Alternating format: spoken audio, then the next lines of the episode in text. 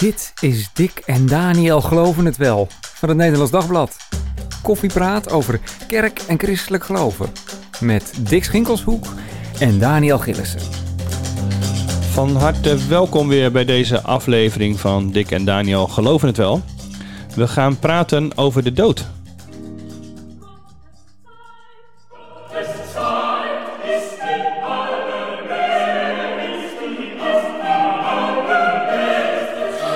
Ja, dit is een muziekstuk van uh, Johannes Sebastian Bach. Gottes Zeit is die allerbeste tijd. Uh, dat kun je draaien op je sterfbed. Uh, Dick, is dat iets wat uh, jij op je sterfbed gaat draaien, als het nou, zover is? eerlijk te zijn heb ik uh, nog niet zo heel erg uitgebreid nagedacht. Ik heb meer uitge uitgebreid nagedacht over wat ik op mijn, uh, wat is bij mijn uitvaartdienst zou hm. willen laten horen. Dat roep ik ook wel eens tegen mijn vrouw, van dit zou mooi zijn. Dan echt op mijn sterfbed, maar dit zou er wel eentje kunnen zijn hoor. Bach, geen dag zonder Bach, dus het zou voor je laatste dag ook moeten gelden. Ja. Muziek op je sterfbed is wel steeds populairder, geloof ik hè? Ja, uh, muziek is sowieso natuurlijk ontzettend belangrijk in het leven van mensen. Dus ja. dat je dan nadenkt over wat je zou... Gesteld dat je een sterfbed gegeven is, ja. hè, dat wat je dan zou willen luisteren. Ja, wat zou jij... Uh... Ja, ik heb geen idee. Um, ook wel nadenkend over wat uh, zou op mijn begrafenis uh, gedraaid kunnen worden, maar niet zozeer op mijn, op mijn sterfbed.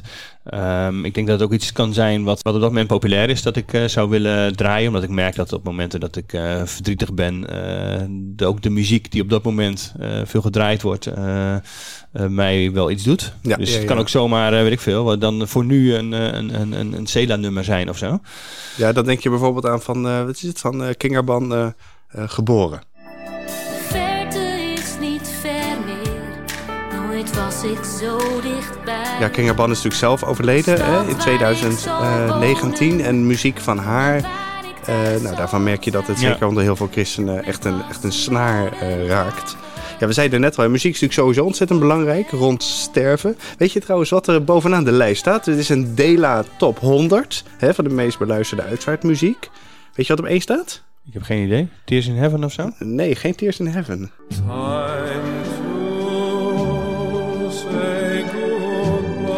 Ja, Andrea Bocelli, hè? Time to say goodbye. Uh -huh. Nou, dat is dat wel, dat moment uh, natuurlijk. Ja, precies. Dus dat is een uh, afscheidsdienst die dan uh, ja. houden wordt, afscheidsmoment. Ja. Nou, dat ja. zou, bedoel, als hij niet zo ontzettend op Classic FM ooit was grijs gedraaid, zou ik dit ook wel een mooie hebben, hebben gevonden. Ja, ja. Nou, we zitten hier dus op een uitgestorven redactievloer van het Nederlands Dagblad. Uh, met de ramen open. Dus uh, voor een beetje maak je, ventilatie. Maak je nou dit geintje opzettelijk uitgestorven redactievloer? Ja, dat mag eigenlijk niet. Hè? een beetje heel erg flauw dit. Nee, we gaan niet te veel grappen maken over, uh, over de dood, maar daar wel serieus over praten. Uh, we gaan deze keer met, doen we met z'n tweeën uh, weer, net als uh, vroeger zeg maar, samen met producer Harm. En we gaan dus over het sterven praten. daar is alle reden toe. Het is zondag Eeuwigheidszondag en traditiegetrouw de dag dat in de protestantse kerken overledenen worden herdacht. Maar we hebben ook alle zielen op 2 november, Dick. Hoe, ja, hoe zit zich dat, dat precies ja. tot elkaar? Weet je, het wordt eigenlijk een beetje, plat gezegd, een, een, een zootje. Zeker in protestantse, in protestantse kring je ziet nu dat protestanten op drie verschillende momenten in het jaar hun, hun doden herdenken. Kijk, katholieken ja. doen dat natuurlijk op met, met alle heiligen en alle zielen, hè, 1 en 2 november. Protestanten, uh, je moet eigenlijk zeggen gereformeerden, doen dat uh, traditiegetrouw op uh, oudejaarsavond. Ja, dat ken ik nog van vroeger, ja. Dat je dan op oudejaarsavond in de kerk zat en met alle namen namen opge, opgelezen. Hè? Ja. Gereformeerden hadden nooit zoveel met het ritme van het kerkelijke jaar. Hè? Befaamde voorbeeld van Johannes Calvijn... die ooit op, uh, op eerste kerstdag gewoon over Deuteronomium preekte. Want hij was nou eenmaal met de serie over Deuteronomium Wat bezig. nou evangelie? Precies. Uh, nou ja, die kwamen dan die kwamen op een ander moment wel weer aan bod. En misschien wel midden in de zomer. Uh, Lucas 2, wie zal het, wie zal het zeggen? Ja. Maar sinds een aantal tientallen jaren, denk ik, ook eeuwigheidszondag. Dus de zondag voor Advent. Zeg maar de, de, ja, zeg maar de, de oudejaarszondag van ja. de van de kerk. Die komt uit de Lutherse uh, traditie. Die is daar in de 19e eeuw uh, opgekomen. Lutheranen hadden altijd wel veel meer met het kerkelijk jaar, maar dan weer niet zoveel met heiligen en, en ook niet met het mm. vagevuur. En dus zo, dan alle zielen daar wilden ze niet bij aansluiten? Nee, dat kon niet. Een eigen moment. Een ander moment. En dat moment is de laatste zondag van het kerkelijk jaar geworden. En steeds Klinkt meer wel logisch op zich, zeg maar, dat je, ja, precies. Ja. Wel logisch op zich dat je op dat moment, het einde van het kerkelijk jaar, uh, toeleven naar advent. Uh, daarna, uh, de, de, de, adventtijd die dan on, on, uh, is, dat je dan even markeert en zegt van oké, nu sluiten we het jaar af. Ja, dat, uh, dat is. Dit is een heel logisch, goed gekozen moment. Uh, wat je wel ziet is dat steeds meer protestantse gemeenten nu uitwijken. Bijvoorbeeld naar de eerste zondag van november, dus een paar weken Oh ja. eerder. Dus weer Beetje, van alle zielen dan. Precies, om weer Oh, ja. bij die, die, die katholieke traditie van, van alle heiligen dan met name Ja. aan, te, aan te sluiten. Dus nu heb je dus drie momenten, drie verschillende momenten waarop protestanten hun doden herdenken. Misschien kan daar enige lijn in gebracht worden. Ik weet niet door Hmm. het wie, is alweer dat typisch is... protestants natuurlijk, het hè, om het allerlei verschillende momenten te doen. Dus dat krijgen we niet uit. Maar wij eh, brengen deze zaterdag een enorm dikke bijlage in memoriam uit als Nederlands Dagblad. Eh, het is eigenlijk een soort monument voor de, voor de doden, kun je het wel zeggen. Eh, lezers kunnen overleden familieleden nog een keer herdenken. We nemen fotootjes op hè, van eh degene die, ehm, oh, van wie ook Ja, overlijdensadvertenties in de krant hebben gestaan. Jij hebt er ook dit jaar weer aan gewerkt, Dick. Hoe, hoe was dat om dat te doen? Nou, ik, heb, ik werk er al een heel aantal jaar aan. En ik moet eerlijk zeggen, het is altijd een enorme klus. Sowieso is een, een dikke bijlage. Volgens mij is dit de, de dikste speciale bijlage die, Ja. we, die we maken als krant. Maar ja, het gaat, ook heel vaak over het is persoonlijke gegevens, persoonlijke verhalen van Ja. mensen. Je wil dat alles klopt. En zeker zo'n dikke bijlage zit er altijd alweer iets tussen waarvan denkt van... oh, dat had even anders gemoeten. Bijna niet eh, te, te voorkomen, maar we proberen dat wel. En dan eh, nou, een soort mooie combinatie te maken van die... en dan van dat herdenken van die, van die overledenen... met eh, eh, verhalen over de, over de dood, wat over rond de, rond de sterven en uitvaarden. Er zijn ontzettend veel mooie verhalen te, Ja. te vertellen. Wat voor verhalen staan er deze keer in? Nou, dit eh, jaar onder meer. nou, bijvoorbeeld, dus waar- eigenlijk waar we net mee begonnen, hè, die vraag van wat zou je, wat voor muziek zou je op je, op je sterfbed willen Oh ja. luisteren? Wat voor vormen zijn daarbij? Er blijkt een, een, een zanggroepje te zijn, die de, de bedside singers, die, eh, die kun je dus uitnodigen bij, jou, eh, bij jouw sterfbed. Dan komen ze echt eh, live voor jou zingen. Ja, ik weet niet of jij daar, of jij daar Ik, weet moet niet, denken. ik kan me niet zo goed voorstellen waar je dan... Gelukkig niet goed voorstellen waar je dan behoefte aan hebt. Maar ik heb enkel keer bij een sterfbed gezeten. En dan wordt het toch wel... ehm, ja, dat is een heftig eh, moment. En je ziet ook iemand een soort, noem het even, wegglijden. en ik weet niet of je op dat moment behoefte hebt... dat er nog heel veel drukte dan rond je bed is. Maar goed, Ja, blijkbaar dus, blijkbaar Blijkbaar dus wel, wel. ja. Zijn er mensen die dat, die dat graag, eh, graag willen. Er is een verhaal over rouwen na een, eh, na een miskraam. Er is altijd een soort taboe op nog steeds. Nou, er zijn mensen die dat proberen bespreekbaar te maken. En we hebben een groot onderzoek gedaan naar eh, begraven en cremeren. En hoe dat Ja. nu op dit moment eh, zit eigenlijk in Nederland en bij aan onder christenen in het bijzonder. Ja, dat hebben we weer. eh, we hebben vaker onderzoeken samen met NPO Radio 1. Dit is de dag, programma van de EO gedaan. En ook deze keer weer over dan dus over cremeren en begraven. Ehm, en dan merken we dat eh, duidelijk dat cremeren echt veel populairder is dan begraven in eh, Nederland. Gewoon in de, precies, gewoon over de, over de hele breedte, ja, zeg het maar. is een representatief onderzoek voor heel Nederland. En daarnaast hebben specifieke groepen katholieken en eh, protestanten... die minimaal eens per maand naar de kerk gaan... bevraagd over ja, hoe zij met tegen cremeren en begraven aankijken. Wat zij eh, eigenlijk een keuze hebben, van, willen, eh, hebben gemaakt... over wat met hun lichaam gebeurt op het moment dat ze overlijden. Het moet helder zijn natuurlijk dat het gaat over de mensen die eh, nu leven... van 18 ja, tot ja, vanzelf. ja, tot, Ja. Dus nou, over hun mening. Want het is zo dat het aantal crematies in Nederland neemt gewoon toe. Elk jaar iets. eh, waar zitten we nu ongeveer op? Twee derde ongeveer. Twee, twee derde ongeveer. Ja, 66 procent, ruim 66 procent van de mensen die nu op, in dit jaar, vorig jaar begraven of overleden is, die wordt eh, gecremeerd. Eh, dus eh, het neemt echt eh, af het aantal mensen dat zich laat, ehm, laat begraven. En wij zien ook uit onderzoek van de, van de, van de mensen nu die zeggen eh, over de hele breedte in alle leeftijden eh, dat 6 op de 10 Nederlanders eh, na het overlijden gecremeerd wil worden. Ehm, en dat ruim een derde van de mensen van wie de ouders nog kozen voor begraven, eh, zelf kiest voor cremeren. Dat is ook wel vaak wel relevant. Die staat in een bepaalde traditie. Wat Ja. Willen je ouders of wat hebben je ouders eh, voor, wat voor keuze hebben zij gemaakt? En dat blijkt dat ehm, ja, cremeren ook onder degene eh, nakomelingen zeg maar eh, populairder wordt. Ja, dus de trend gaat echt naar cremeren. Is ook uitgezocht waarom mensen dat graag willen, waarom, waarom cremeren zoveel, ja, ik wil zeggen populairder wordt. Dat klinkt natuurlijk een beetje eigenaardig, Ja. maar Nou, het heeft eigenlijk allerlei redenen, maar de belangrijkste is gewoon, dat voelt voor mij het beste. Dat is gewoon de belangrijkste reden, het gevoel. Dat is de reden waarom mensen daarvoor kiezen. Daarnaast speelt geld een rol, speelt milieu een rol, speelt men de plek die je op aarde inneemt een rol. Bij begraven bijvoorbeeld, ehm, zowel bij cremeren van ik wil mijn nabestaanden niet tot, tot last zijn, juist bij begraven een plek te hebben om, om te rouwen. Dus dat soort aspecten spelen daar allemaal een rol in. En je ziet dat Nederlanders ja, steeds positiever ook gaan denken over cremeren. Dus dat 50% echt uitgesproken positief is, terwijl het in uh, tien jaar geleden, uh, we, we, hebben gevraagd van hoe dacht je tien jaar geleden over, ja, ja. Dat, ze toen, dat toen nog 40% daar positief over was en nu 50% echt uitgesproken positief. Um, ja, dat is dan meer dat gevoel, zeg maar. Het is, ja. het is gewoon beter gaan voelen. Het is een stuk goedkoper. Ja. Het heeft misschien iets meer het gevoel van milieubewust zijn. Dat speelt absoluut een rol. Dus wat ook uh, fascinerend is, is dat het aantal mensen dat op een natuurbegraafplaats begraven worden. Van degene die begraven worden, dat het ook toeneemt. Uh, dat er een grote groep is die daarvoor uh, voor kiest. Dat kan ik me wel voorstellen. Um, dus zonder alle, nou ja, zeg maar even de pracht en praal die op een begraafplaats een heel netjes afgebakend is. Een natuurbegraafplaats, gewoon een plek ergens nou ja, onder de bomen. Waar zonder, ja, je kunt er nog een je eigen klein steentje neerleggen, maar er is geen er wordt geen monument voor je opgetrokken, zeg maar. Ja, ja. En dat neemt echt wel uh, toe, die populariteit daarvan. En um, wat we ook wel zien, dat vind ik ook wel opvallend, dat bij leeftijd, dat mensen die, hoe ouder ze worden, hoe meer ze kiezen voor cremeren. Dus de wat jongere generatie, uh, is daar is nog half-half. Ja, ja. En bij ouderen is het juist echt veel ruimer nog dan die, uh, dan die, uh, dan die 66 procent. Dat vind ik wel interessant dat je dat zegt. Want blijkbaar is het zo dat je dan dus ja, dat er allerlei aspecten zijn waardoor je later in je leven gaat denken van hé, hey, dat ideaal dat ik eerst had, van ik wil het liefst toch gewoon begraven worden. Ik zeg toch gewoon, hè, want dat, nou, misschien, misschien zit het hem daar ook wel in. Dat je het gevoel hebt dat er een soort uh, norm is, een idee van zo zou het eigenlijk uh, uh, moeten. Mm -hmm.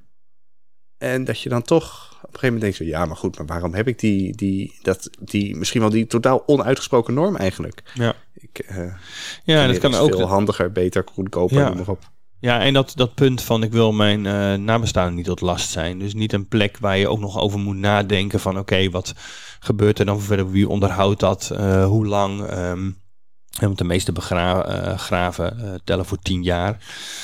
Um, en worden daarna geruimd, waardoor je nog alsnog op een soort algemene plek begraven wordt.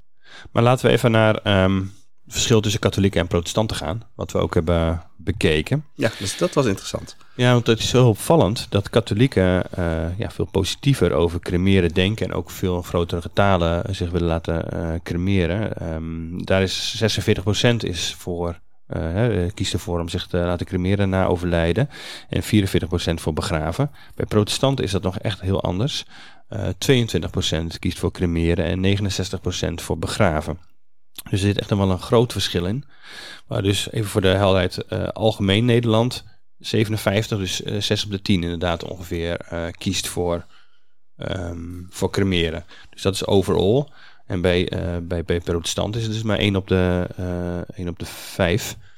Um, ja, precies. Iets minder dan een kwart. Ja. ja. Ja, dan zie je toch echt wel dat protestanten daar nog een duidelijke voorkeur hebben voor, voor begraven. Uh, bij katholieken is dat minder. Overigens is de, de officiële katholieke voorkeur voor, uh, is nog steeds voor, uh, voor begraven. Of nog steeds Hmm. moet ik zeggen, dat zal niet zo heel snel veranderen. In 2016 heeft het Vaticaan nog laten weten dat een goede katholiek eigenlijk gewoon het liefst uh, zich, uh, zich laat uh, Oh ja. begraven. Maar cremeren is op zichzelf niet, niet verboden. Dat is wel, dat is wel interessant. Uh, het, was, het is dan wel zo dat je het verstrooien zeg maar, van, van as in de, in de lucht of wat is het, op het land, in het, in het water, dat dat niet de bedoeling is als je katholiek bent. Want dat geeft dan een soort idee van dan ben ik echt, echt weg. Zeg maar, dat, Ja, dat, dus, dat, dus dat te nadrukkelijk, symbolisch te nadrukkelijk de nadruk leggen op van ik ben niet meer uh, te traceren, zeg maar. Precies, nee, dat? als het moment dat het echt een ontkenning is van het christelijk geloof, Ja. van wat is het, van de opstanding, het geloof in de opstanding, kijk, dan, zegt, dan steekt de katholieke kerk daar een, uh, daar een stokje voor. Ja. Maar op zichzelf zegt de katholieke kerk van het is niet verboden, maar begraven heeft nog steeds echt wel, uh, Oh ja. de voorkeur. Maar katholieken bewegen dus wel veel meer mee met de maatschappelijke tendens dan protestanten op dit moment. Ja. Al is het even afwachten hoe dit zich natuurlijk alweer over tien jaar, uh, hoe dat eruit ziet. Maar op dit moment is dat in ieder geval wel wat je ziet. Ja, dat, dat zie je volgens mij vaker. Dat zie je op alleen medisch-ethische uh, standpunten zie je dat. Zie je dat ook. Katholieken zijn veel meer, ja, wat, hoe moet je dat zeggen, zoals de gemiddelde Nederlander dan als je protestanten Ja, onder, ja. ondervraagt. Maar op dit punt, ja, op dit punt dus ook. Ja. En uh, speelt het dan nog een rol? Dat hebben wij ook als deskundigen nog daarover hebben gesproken. Die zeggen van ja, dat heeft ook te maken met hoe protestanten naar de Bijbel kijken en hoe katholieken naar de Bijbel kijken. Uh, dat persoonlijke geloof van protestanten en geënt op de Bijbel en, dergelijke, dat dat zo'n grote rol daarin speelt. Ja, ja ik, denk, ik denk het wel. Kijk, er zijn een aantal argumenten voor begraven, die je uh, onder meer letterlijk uit de Bijbel kunt, kunt, kunt halen, zeg maar. En die denk ik voor, voor protestanten klassiek heel belangrijk zijn. En ook wat meer, wat, wat meer uit de bredere lijn. Voor, uh, heel letterlijk is, zeg maar, protestanten die dan bijvoorbeeld kunnen zeggen... ja, ik laat mij begraven, want, want Jezus liet zichzelf uh, ook begraven. Hè? Uh, althans, Jezus is ook begraven uh, en is na, ja. uh, na drie dagen opgestaan. God heeft Mozes begraven, eigen, eigenhandig. Dus blijkbaar, blijkbaar zit daar echt een, een, een voorkeur in de Bijbel voor, voor het soort begraven. Ja, want in die tijd was het verbranden van een lichaam ook al wel mogelijk, of dat gebeurde ook al wel. Ja, dat gebeurde, dat gebeurde zeker wel. Ja. Maar als je kijkt waar bijvoorbeeld in de, in de Hebreeuwse Bijbel als er lichamen verbrand worden, is dat eigenlijk zonder uitzondering be bewijzen van straf. Dat is niet, dat is niet oké. Okay. Hmm. Dan, nou, dan is er iets mis met je, zeg maar. Als jouw lichaam wordt, uh, wordt verbrand, aan het vuur wordt ja, ja. overgegeven. Ja, want dat, ja, precies. Want dat punt uh, speelde ook wel mee. Ergens het idee van vuur is uh, verterend vuur, zeg maar. En dat is niet iets wat je positief zozeer kunt duiden. Nee, ik denk zelf dat dat heel erg te maken heeft met de herkomst van cremeren, vooral, vooral in Nederland. Dat is aanvankelijk heel erg vanuit een heel anti-christelijke. Uh, wat is het? Multatuli, hè? De, de schrijver is de eerste Nederlander die zich heeft laten cremeren.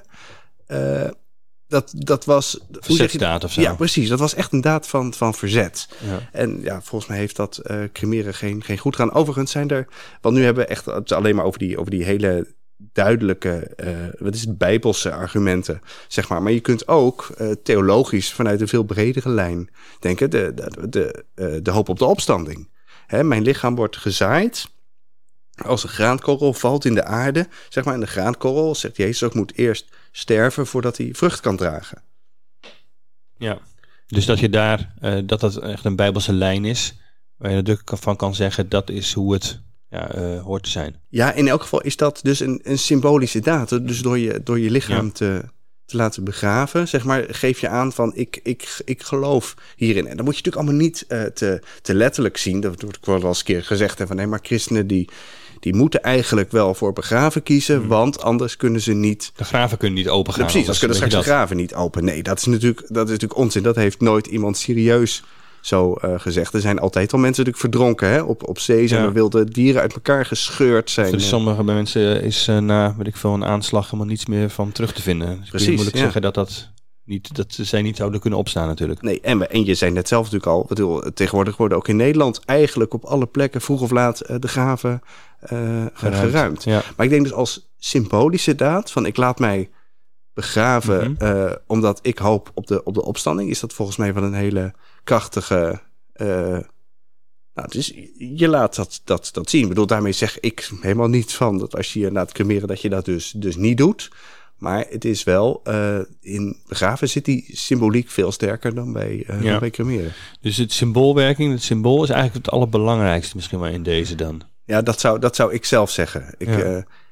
Ik denk dat er mensen heel verschillende redenen hebben om voor begraven te zijn. Of toch voor, voor cremeren en, dat en dat relateren ja. aan hun geloof. Ja. Maar nou ja, zo kijk ik er in elk geval tegenaan. Daarom zou ik mezelf, uh, als het even kan, uh, als ik daar enige zeggenschap over heb tegen die tijd, uh, willen laten begraven. Ja. Ja, bij, bij uh, protestanten zien we inderdaad dat, dat het geloof wel wat belangrijker is voor hun keuze. Inderdaad, van uh, hoe, hoe, stel ik die vast? Maar ook niet enorm. Het is niet zo dat dat, dat de eerste wat is wat genoemd wordt. Van oké, okay, maar omdat uh, ik christen ben, kies ik voor begraven. Zo sterk is het dan ook weer niet, blijkbaar.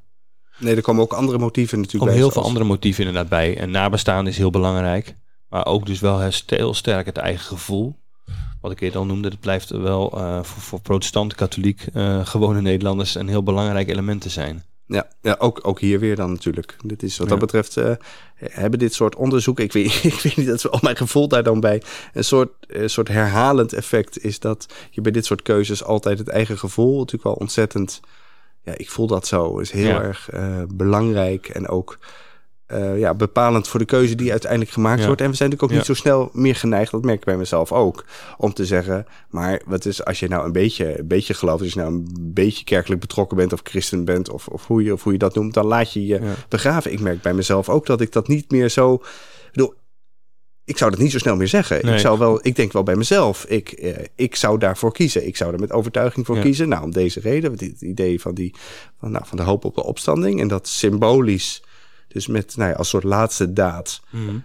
voor zover het nog jouw daad is dan natuurlijk op dat moment. Maar als, als laatste daad dat, dat, dat, dat vormgeven. Ja. Ja, dat is ook, ja, misschien is dat ook wel weer een beetje mijn gevoel. Ja, wie zou het zeggen? Nou, ja, precies. Want heel sterk speelt natuurlijk ook de omgeving uh, in dit soort dingen vaak een rol. Gewoon de traditie die er in kerkelijke omgeving, in familie is.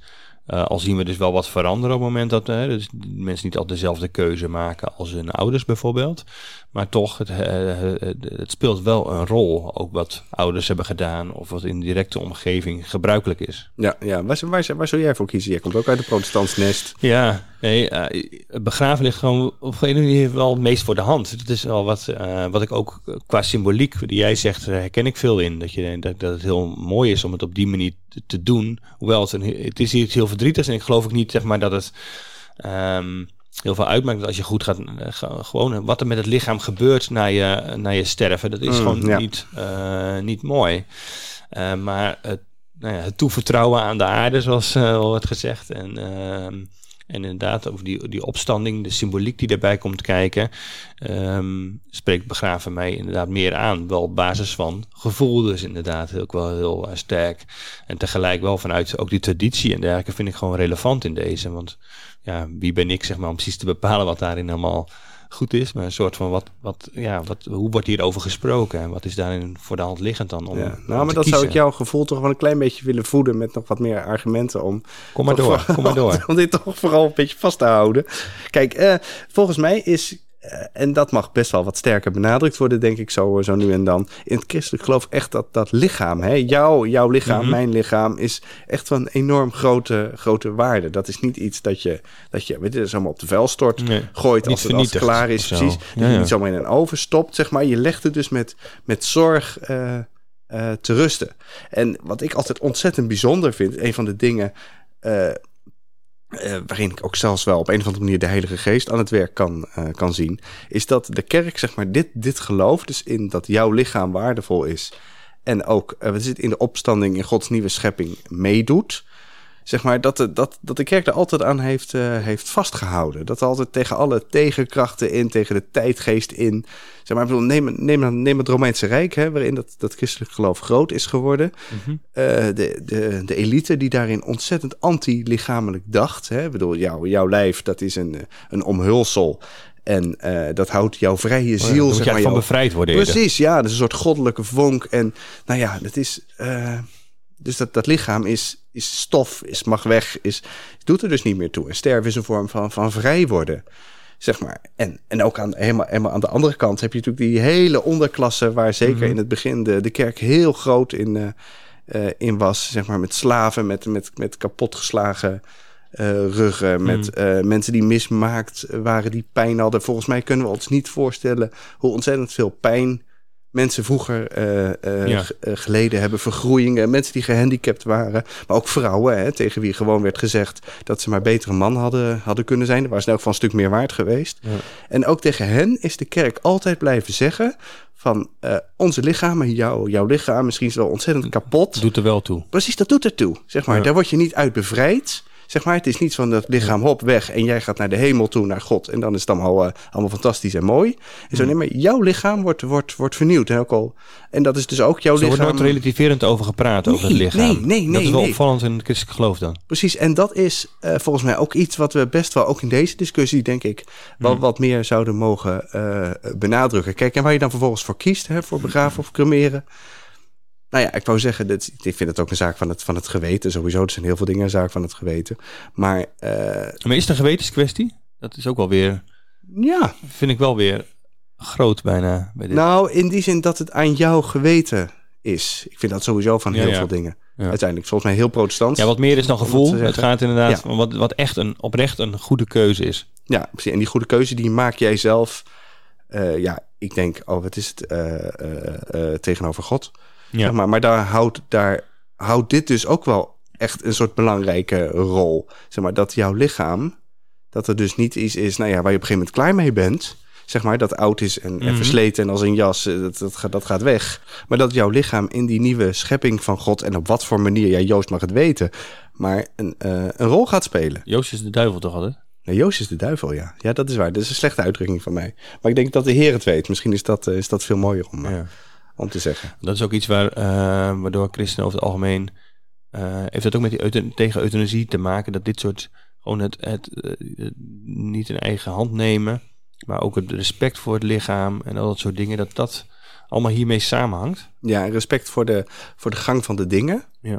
Dus ook, uh, ik denk dat dat bij begraven ook een, ook een aspect is. Dat je, uh, je vernietigt niet actief het lichaam, maar je geeft het over, je, je, je bewaart het. En uh, ja, dan is de gang van de dingen zo dat het lichaam verteert in de aarde. Maar jij bent in ieder geval niet degene die, die het, die het versnelt of zo. Nee, precies, die, het, die het in gang zet. Dus in die zin is misschien, ik heb daar nog niet zo heel erg goed over nagedacht. Maar ik vind het heel interessant dat je daarover begint.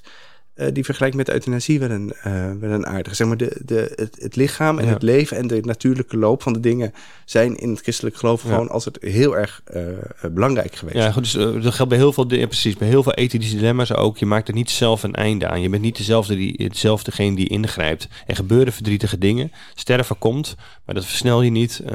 de ontbinding van een lichaam, dat gaat gebeuren, maar je versnelt het niet.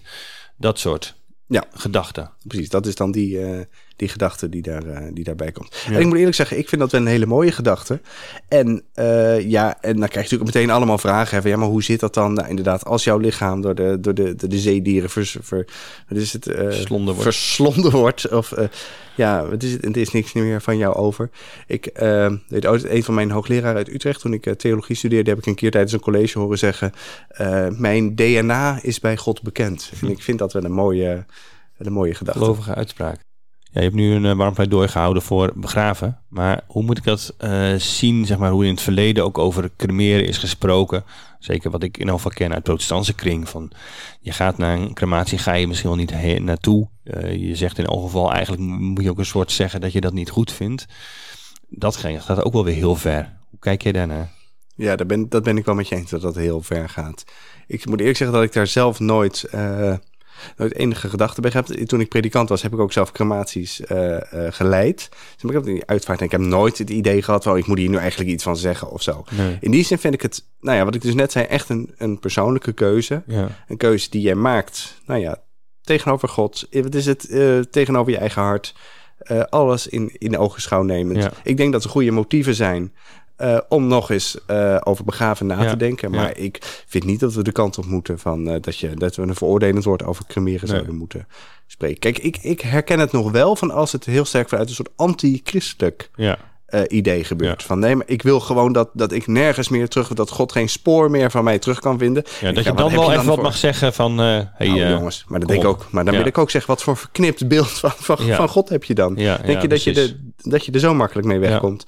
Maar gemeenteleden die ervoor kozen om zich te laten cremeren, hebben die met jou daar nog over gesproken? Was dat iets wat, wat, wat, wat ter tafel kwam, zeg maar? Of lag een keus daarin al eigenlijk al, van al eerder vast? vast? Ja, precies. Ja, ja, Nee, dat soort. Ik, ik bedoel, ik ik wil niet zeggen dat mijn ervaringen. Ik was echt, echt een, een, een dorpspredikant. Dat wil zeggen dat je mensen. Nou, het is gewoon uit het dorp. Uh, dat je daar van de uitvaart uh, ja. leidde. Ook als ze helemaal niet zo heel veel met de kerk hadden. En vaak stond het allemaal al vast. En er was een uitvaartverzekering. Het was allemaal al geregeld. En ja, de ondernemer was al geweest. En, en, dus daar, uh, daar, ging het dan helemaal niet over. Nee, precies. Nee, dat, misschien heb ik dat wel eens jammer gevonden. Maar ja. ja. Nou, eh, in de bijlage in memoriam van zaterdag van het Nederlands Dagblad is hier alles over te lezen. Uh, natuurlijk in de bijlage op papier, maar ook uh, digitaal. Dus wil je daar meer over lezen, nou, kijk eens op nd.nl. Daar kun je alles, heel veel verhalen over begraven, cremeren, maar ook alle achterliggende ja, dingen, aspecten die ermee te maken heeft, uh, kun je daar vinden. En we zijn ook heel erg benieuwd naar wat jij van deze discussie vindt. Dat kan door te reageren naar Dick en Daniel@nd.nl. Uh, en heb jij goede tips over wat je zelf op je sterfbed zou willen luisteren? laat ons dat ook vooral weten. Dan kunnen we daar volgende week nog even op, op terugkomen. Zo is dat. Hartelijk dank voor het luisteren. Uh, dat was hem voor deze week. Uh, volgende week is Albert Smelt te gast. Hij is uh, presentator van podcast Kerk en Ik. Waarin een soort onderzoek doet naar wat de kerk in deze tijd te betekenen heeft voor ja, alle mensen eigenlijk. hij doet daar, zoekt dat uit. Hij is ook frontman van Trinity. Daar is hij denk ik bekend van, van de band. En presenteert ook een televisieprogramma. Hij is volgende week de gast. En dan gaan Dick en ik verder met hem daarover doorpraten. Dus tot dan.